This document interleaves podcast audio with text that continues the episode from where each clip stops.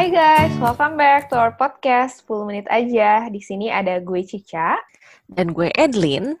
Dan hari ini kita mungkin mau ngebahas satu episode di mana kita agak flashback sedikit nih. Um, Lin, lo pernah nyobain download semacam kayak dating app gitu? Kan ada beberapa tuh, contohnya kayak Tinder, Hmm. Coffee and Bagels. Well, kalau dulu inget-inget zaman kita SMA, itu mungkin mirip-mirip kayak Omegle gitu, yang awalnya kita harus sebutin um, Mhm. ASL gitu. Gue gak pernah Omegle sama yang ASL tuh gue gak pernah sih, Cak. Gue baru denger bahkan. Well, yang Hmm. Tinder gue pernah sih, Cak. Itu bertahan kira-kira cuma dua minggu sayangnya. Yang Coffee and Bagels bahkan gue cuma sehari, Cak. Karena gue gue merasa itu nggak nggak agak nggak relevan. Abis itu gue langsung delete app-nya. I don't think the whole idea works for me online dating, Cak. Oh ya? Kayaknya beda sih ceritanya kalau sama lo Ah. ya. It seems dating apps work for you. Oh, enggak sih. Um, Oke, let's let's share a bit lah ya. Well, gue sih lebih kayak for fun. I mean, like uh, iseng-iseng aja sih. Waktu itu yang buat juga temen gue Hmm. dan kayaknya waktu itu dia mungkin udah capek kali ya liat gue single terus dan sebenarnya nggak ada maksud apa-apa.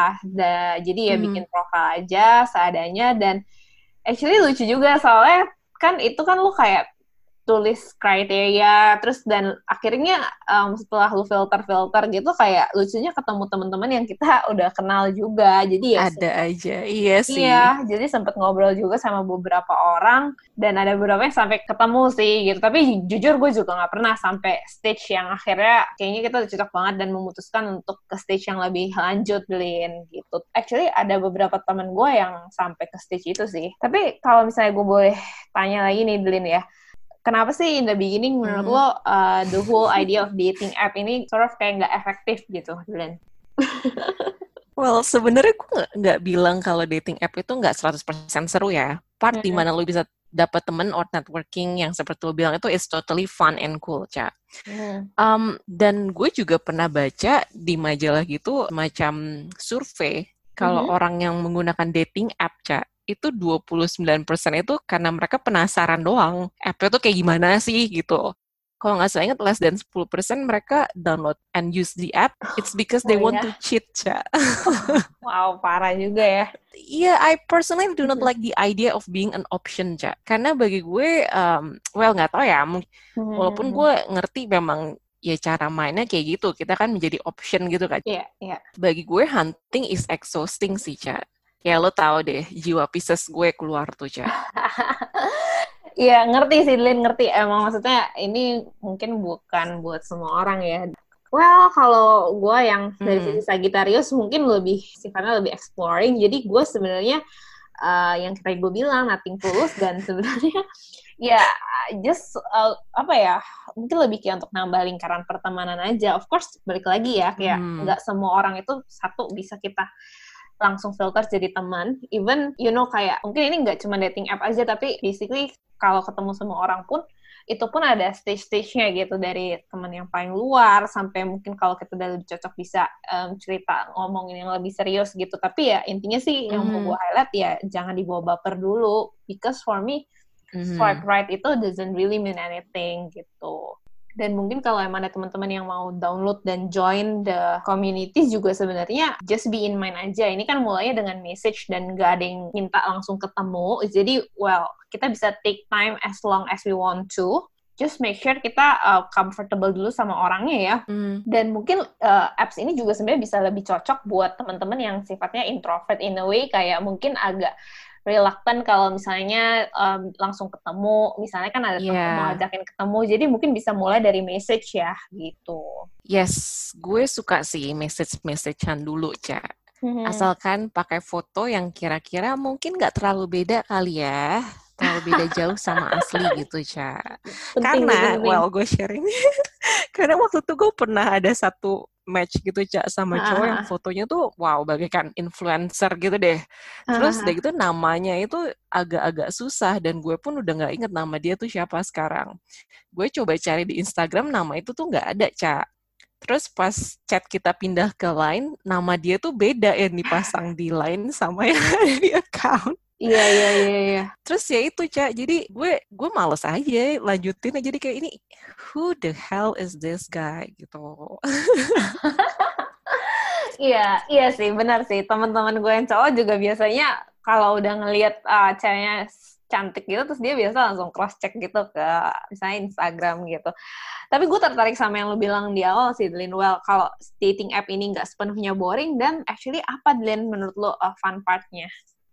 Um, mungkin fun partnya, Cak, ketika salah satu pihak kali ya, salah satu pihak ada yang baru aja mungkin patah hati, and then they need a new distraction to move on. Um, Iya, Lin, benar banget. Mungkin another part adalah kalau misalnya kita bisa swipe terus dan um, kita pas ketemu sama orang yang ternyata tepat gitu ya, kayaknya makes all the swipes itu jadi lebih worth it aja. Cuman mungkin yang kita mau highlight ya teman-teman, um, there's always a pro and cons for dating app. Uh, dan ujung-ujungnya sebenarnya bakal balik lagi ke diri kita masing-masing sebagai user. Pesan kita sih mungkin tetap um, stay wise aja untuk pakai dating app ini. Karena mungkin nggak semua orang yang kita temuin di dating app itu punya tujuan yang genuine.